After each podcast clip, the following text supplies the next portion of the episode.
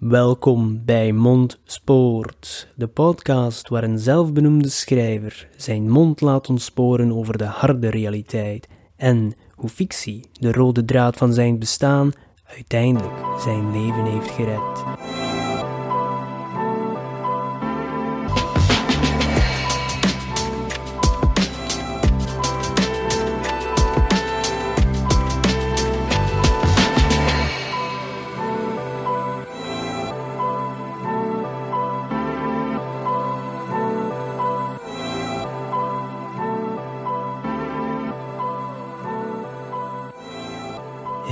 Iedereen, welkom bij alweer een nieuwe aflevering van Mondspoort. En vandaag wilde ik eens praten over self-publishing, self-pubben of het uitgeven in eigen beheer. Het heeft veel namen, indie-auteur, alhoewel daar soms twijfel over is als die twee wel hetzelfde betekenen. Maar wat wil dat eigenlijk zeggen?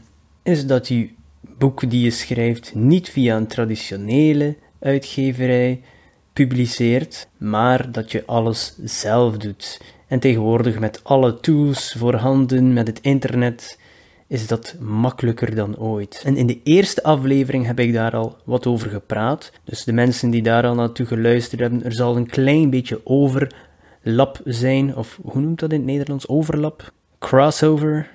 I don't know. Soms denk ik gewoon te veel in het Engels door jarenlang, sinds kleins af aan, films en tv te kijken in het Engels en te lezen. Dat is hoe het is. Recent doe ik ook wel mijn best om meer Nederlandstalige auteurs te lezen, dus uh, daar zal ik zeker en vast ook nog eens over praten. Maar vandaag gaan we het hebben over dat selfpubben. En je ziet, dat is ook alweer een term die uh, van het Engels geleend is, maar oké, ja. Ik ben geen taalpurist, ik hou van alle talen in de wereld, alle talen hebben iets moois. Dus, en we kunnen nooit verenigen als we elkaar niet omarmen in alle talen van de wereld. Dus eigenlijk wil ik praten over waarom ik voor Selfpub gekozen heb, de voor- en de nadelen en zal ik dat voor altijd blijven doen of ga ik ooit overstappen of een poging wagen om naar een traditionele uitgeverij een manuscript op te sturen. So, stay tuned. De redenen waarom ik voor Selfpub, eh, of uitgeven in eigen beheer heb gekozen, dat zijn er meerdere. Dat is niet één reden. En ik ben eerlijk, onzekerheid en afwijzing zijn zeker een van de beslissende factoren. Je bent bang dat je niet goed genoeg bent, want wie ben ik? Ik heb gewoon toevallig een verhaal op papier gezet, maar ja, wie weet of dat goed is. En mijn naasten lezen dat, die zeggen dat het goed is, maar die hebben misschien een vooroordeel of ze durven gewoon de waarheid niet zeggen. En je bent bang dat je gaat afgewezen worden door de uitgeverijen en dat je dan ook je zelfvertrouwen een deuk krijgt en dat je gewoon het schrijven opgeeft. Dat zijn allemaal scenario's die je in je hoofd steekt. En natuurlijk, als je het opstuurt naar een uitgever, dan moet je ook wel lang wachten op antwoord. Dat is dan de ondernemer in mij. Want als dat zes maanden ergens ligt en ik krijg dan gewoon een nee terug, ja, dan kon ik het ondertussen wel zelf aangepakt hebben. Ik ben iemand die dan wel, als ik echt beslist heb om iets te doen, dan ga ik er ook wel voor. Ja, dat was een deel, dus die onzekerheid, afwijzing. Natuurlijk, als je het zelf uitgeeft, dan kan je ook het tekstel op de neus krijgen van de mensen die het lezen. Hoe verder ik in het proces kwam, hoe meer overtuigd ik werd dat er genoeg gelijkgestemde mensen waren die wel iets in het boek zouden vinden. Een andere reden is natuurlijk, je hebt volledige controle over alles. Hè. Maar dat is natuurlijk een mes die aan twee kanten snijdt. Dat wil wel zeggen dat jij persoonlijk verantwoordelijk bent voor de eindkwaliteit van het product. Dus niet alleen het verhaal, maar ook de redactie, de cover, opmaak, hoe het lettertype en dat alles mooi uitgelijnd staat, eventueel een e-book, want voor het self-pubber is dat super belangrijk. Die materie die in mijn eerste boek voorkomt, is iets die me heel nauw aan het hart ligt. En dat is iets waar ik moeilijk afstand van kan nemen. En ja, ik was ook nog niet echt goed getraind in het krijgen van kritiek, dus ik... Soms moet je eens die paardenkleppen opzetten, gewoon recht vooruit gaan en uh, als hij ze dan afdoet, dan zie je wel waar je landt. Dus dat was een beetje een sprong in het diepe wel. Dus ja, op een of andere manier was ik minder onzeker als ik dat zelf aanpak. Misschien ben ik een controlefreak, dat begin ik nu te beseffen terwijl ik hier uh, tegen die microfoon praat. Maar dat is voor een andere aflevering of een andere therapiesessie misschien. Een andere reden is de snelheid waarmee dat je boeken uitbrengt. Hè. Die is ook volledig aan jezelf. Voor ik mijn eerste boek heb uitgegeven, waren de twee andere al ver onderweg. Hè. De eerste versies stonden, de ruwe versies stonden al op digitaal papier. En ik wilde wel wat sneller uitgeven. Bij een traditionele uitgeverij ben je afhankelijk van, van hun schema, want zij hebben natuurlijk nog andere auteurs uh, waarmee ze bezig zijn, het proces om, om boeken uit te geven. Dus je bent daar niet de enige, wat dat perfect normaal is natuurlijk. Maar als ik het zelf doe, dan bijvoorbeeld, ik heb nu twee boeken in één jaar uitgegeven. Misschien dat dat bij sommige uitgevers ook wel kan, maar dat zal dan misschien eerder de uitzondering zijn. Correct me if I'm wrong. Maar dat was dus een van de ook doorslaggevende redenen, gewoon dat schema die ik zelf kan bepalen. Eh, ik ben ook iemand die wel daar een beetje. Ik bepaal graag zelf een schema. Daar komt het op neer. En als er daar dan soms wijzigingen aangebracht worden van externe krachten, van het universum die probeert de route in het eten te gooien, ja, dat is een werkpuntje voor mij om daar mee om te gaan. Een andere reden, maar dat is uh, puur persoonlijk, en de mensen die me kennen zullen dat misschien zeggen, ah ja, dat zal waarschijnlijk de reden geweest zijn. Ik ben iemand die graag tegen in de stroom gaat. Self-publishing, self-pubben heeft misschien een, soms een negatief beeld, wat stigma's over de kwaliteit. En dan zeg ik: Oké, ik ga wel eens tonen wat ik kan afleveren. Dat is misschien een beetje arrogantie, of gewoon, ja, de underdog-positie opzoeken. Dat, uh, ja, daar voel ik me soms wel comfortabeler in. Dat zijn een beetje de redenen waarom ik ervoor gekozen heb. Uiteraard heb je dan nog de meest voor de hand liggende reden, en dat is het aantal royalties dat je eraan overhoudt. Per verkocht boek hou je er meer aan over. Dat is ook te zien welk platform je gebruikt, welke drukkerij dat je gebruikt, hoe je ook je eigen boek op de markt brengt. Iedereen zijn kosten zijn anders, maar dat is voor iedereen persoonlijk, dat moet je zelf bekijken. En daar kan je direct de sprong naar eventuele nadelen maken, want oké, je houdt wat meer geld over op het einde van de rit, maar je moet ook je eigen geld erin investeren. Dat is anders iets wat een uitgever doet. Want redactie, een omslag, opmaak, dat kost geld. Je zou het natuurlijk allemaal zelf kunnen doen. Sommige auteurs kunnen dat, maar ik, ja, ik heb wel wat Photoshop skills, maar ik ga nu geen prachtige cover maken van een boek. Zulke vaardigheden heb ik niet, dus dan laat ik dat over aan de artiesten. Dat kost wat geld, maar ik vind wel dat dat waard is, want natuurlijk, ze zeggen wel, never judge a book by its cover, maar daar kan je aan toevoegen, unless it's awesome. Dus beoordeel nooit een boek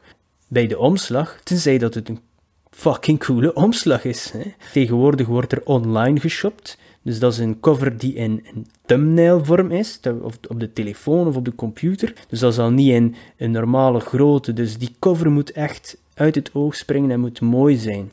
En dat is iets dat ik zelf niet zou kunnen. En dan de opmaak van het boek, dus hoe het allemaal het binnenwerk wordt verzorgd. Dat is in principe ook iets dat je zelf kan doen. Er zijn daar ook genoeg tutorials van uh, op YouTube om met uh, Word of andere InDesign van Adobe. Er zijn er allemaal programma's voor om dat te doen. Maar dat zijn ook skills en eerlijk gezegd tijd dat ik daar niet wil aan spenderen.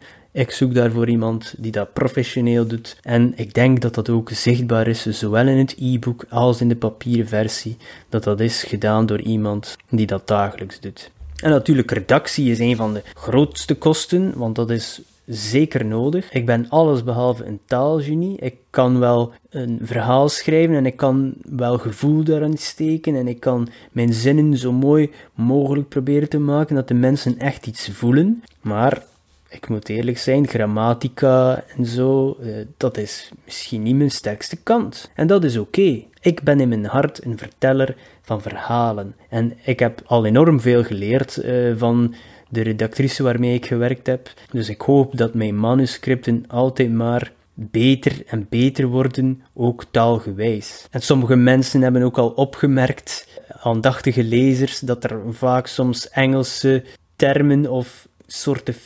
schrijfwijze in mijn boeken zit. En dat klopt inderdaad, want ik, zoals ik daarnet zei, ik heb heel veel Engelstalige boeken gelezen en ik doe dat nog. Ik weet, het is competitie voor de Vlaamse en Nederlandse auteur. Maar ja, ik doe dat al sinds kleins af. En sommige auteurs worden hier ook niet vertaald die ik lees.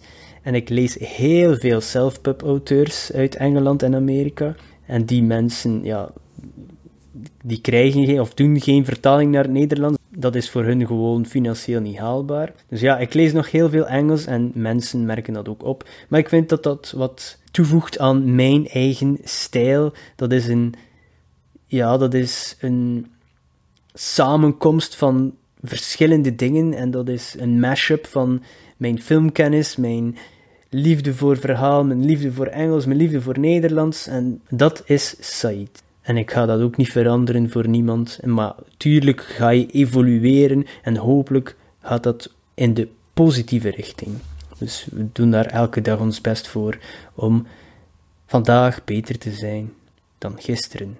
Een ander mogelijk nadeel kan zijn dat je als selfpubber moeilijk je boeken in een fysieke boekenwinkel in de fysieke boekhandel kan krijgen, zoals Standaard Boekhandel of in Nederland Bruna, uh, welke verschillende boekenwinkels dat je hebt. Je hebt ook natuurlijk independent, eh, gewoon zelfstandige kleine boekenwinkels.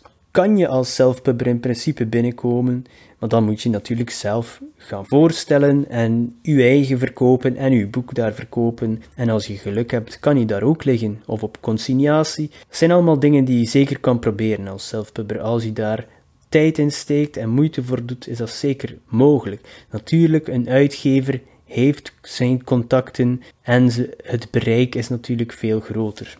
Maar ik heb wel al gehoord van een aantal schrijvers die ik ontmoet had, die bij wat kleinere uitgevers zitten, dat zij ook deur tot deur, allez, in principe naar de boekhandels moeten gaan om hun eigen daarvoor te stellen en een boek te verkopen. En dan moeten ze ook maar hopen dat die boekhandel hun boeken in de rekken wil zetten. Dus daarin verschilt het misschien niet veel. Ik kan verkeerd zijn, maar ik heb het uit schrijversmonden gehoord. Maar als je echt ja, je boek in fysieke winkels krijgt, dan is een traditionele uitgever nog altijd de beste optie. En ze hebben een ingebouwd publiek.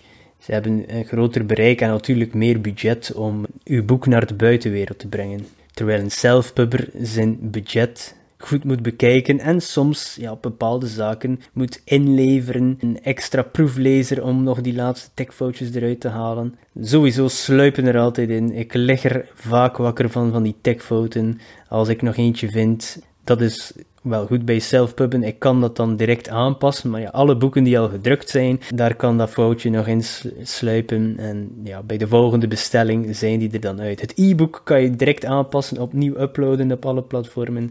Daar komen we dan bij het volgende segment, wat dat misschien wel een voordeel is voor de selfpubber, want ik heb gezien dat niet alle uitgeverijen meteen een e-book doen. Dat komt soms pas later, waarom weet ik niet precies, maar voor een selfpubber is een e-book heel interessant en misschien nog belangrijker dan de papieren versie. En je kan dat zelf op alle verschillende platformen zetten, nadat je het hebt laten opmaken of zelf opgemaakt in een EPUB.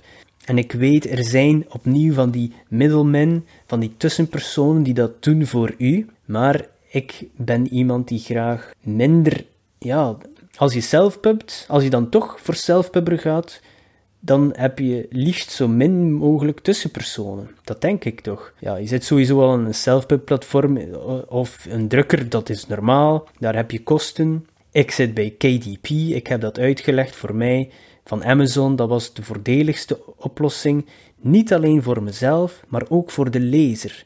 Omdat bij andere self-platformen soms de verzendkosten groot waren, omdat dat vele bedrijven in Nederland zijn. En als een Belg dan een boek zou bestellen daar, kan dat zijn dat ze ja, bijna 10 euro aan verzendkosten betalen. En ja, dat verhoogt de drempel ten eerste om een boek aan te kopen. En ik ja, wilde niet dat een persoon, een lezer ja, die mij niet kent, een onbekende auteur, waarom zou hij 10 euro verzendkosten betalen voor een boek die nog geen 20 euro kost. Dus dat was een beslissing, een financiële beslissing voor mezelf en voor de lezer was op dat moment het interessantste. Dat kan natuurlijk veranderen in de toekomst en dan kan ik waarschijnlijk heel snel schakelen om dat om te zetten. Dus dat is dan ook weer een voordeel voor de self-pubber. Maar die middelman, ja, heb ik als self-pubber dan, als ik, moest ik ooit naar een traditionele uitgeverij, dan is dat eigenlijk mijn zorg niet meer. Uh, is cru gezegd, maar als self-pubber wil ik zoveel mogelijk die middelman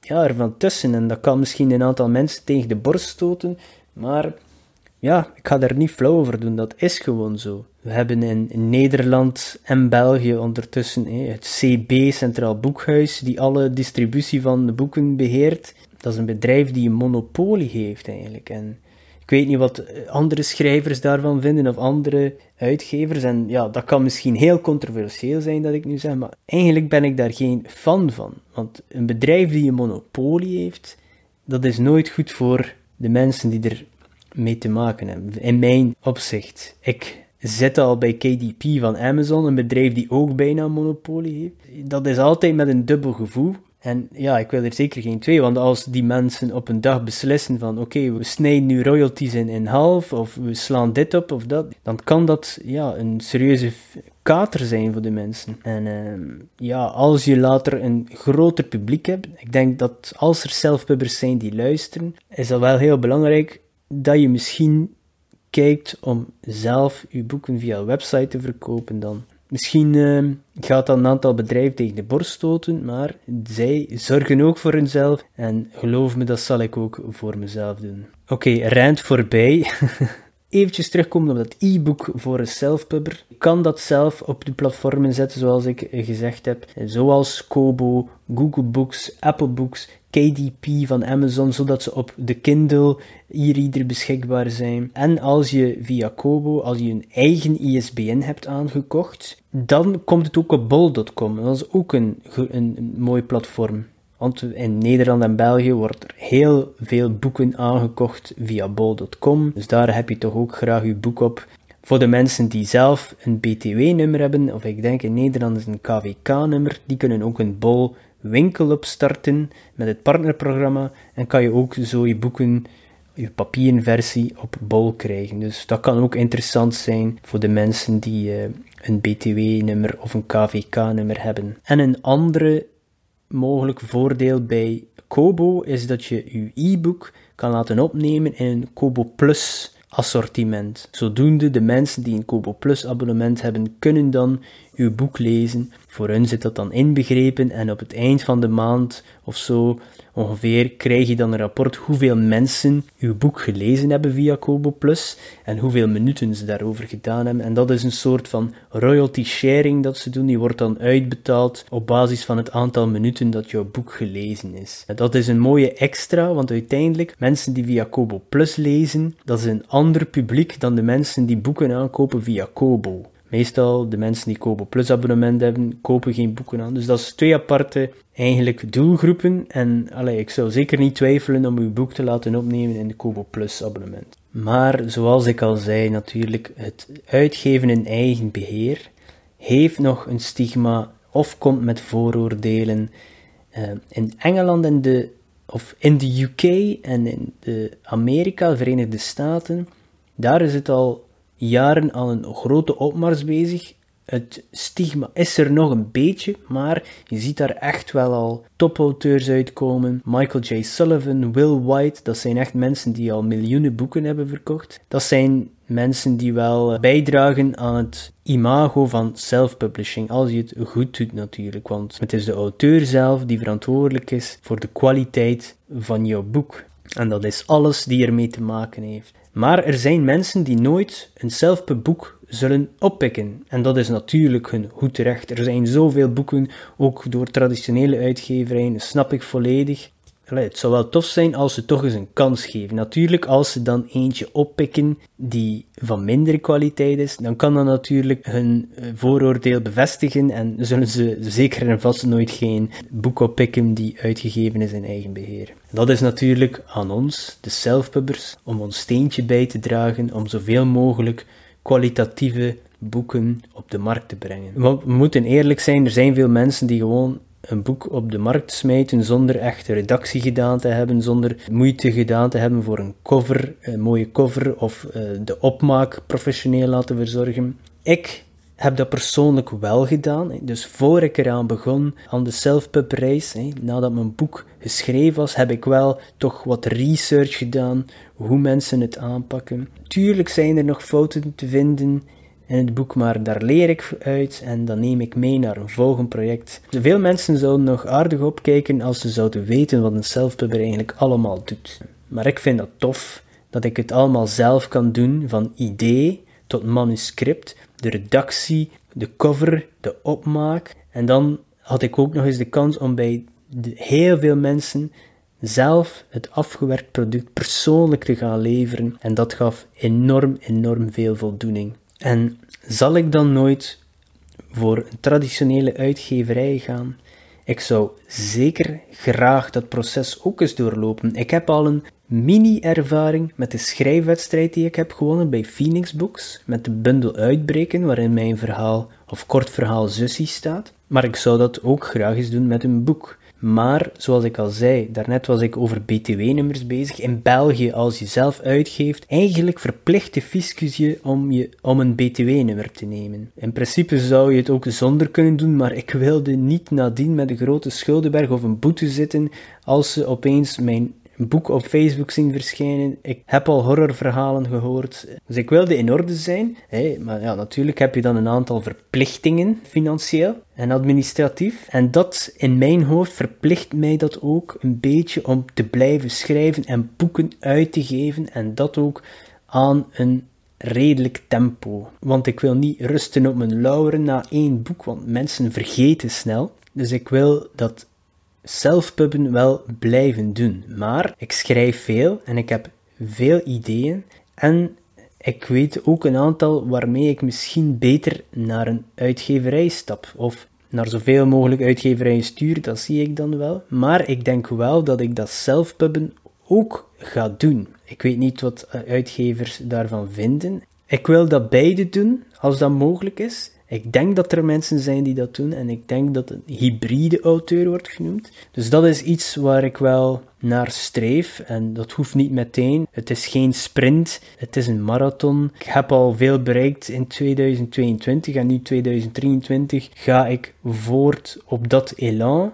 Maar dat hoeft niet allemaal op één dag te gebeuren of in één jaar te gebeuren. Het is een long term. Ik schrijf heel graag. Ik zie me niet meteen stoppen. Dus we blijven gewoon doordoen en we zien wel wat er op ons afkomt. Met ieder project kan dat een ander proces zijn om het naar de buitenwereld te krijgen. Eh, want ik creëer graag, ik ben creatief, maar ik wil ook dat mijn boeken gelezen worden en dat het wat opbrengt. We moeten niet flauw doen. En in België en Nederland is het een uiterst moeilijke en misschien wel onwaarschijnlijke taak om fulltime auteur te worden. Maar ik zou liegen als ik zeg dat dat geen droom is van mij. Maar wat ik wel heb, als iemand zegt tegen mij dat ik iets niet kan, dat kan niet of dat is bijna onmogelijk hier, dan ga ik daar alles aan doen om hen ongelijk te bewijzen. Dat zit gewoon in mij. En er zijn nog tal van andere creatieve dingen die ik graag doe. Deze podcast is er één van. Ik vind het echt leuk om deze op te nemen. Ik maak graag video's op YouTube, TikToks. Ja, dus de droom is natuurlijk om dat te kunnen blijven doen. Ik blijf verder grinden, zoals ze dat zeggen. Ik blijf gewoon doordoen, eh, want ik doe het graag. Want dat is de prioriteit. Je moet het natuurlijk graag doen. Iets doen tegen je zin. Ga je al heel snel aan een burn-out geraken. Ik hoop dat sommige mensen wat meer inzicht hebben over het zelfpubben. Vooral als je gewoon een lezer bent of een luisteraar van de podcast en er niet zo heel veel van kent. Of niet mee bekend was. En ik hoop eh, als je mijn boek nog niet gelezen hebt, dat je het zeker een kans geeft. En andere auteurs die hun boeken uitgeven in eigen beheer. Er zijn er genoeg. Kijk maar eens op Instagram naar de hashtag selfpubber, selfpubben. Daar ga je er genoeg, genoeg suggesties in vinden. Geef die mensen zeker een kans. Dankjewel om te luisteren naar mijn ontspoorde mond. Mondspoort. Said is uit. Tot volgende week en wees ondertussen niet te streng voor jezelf. Ciao.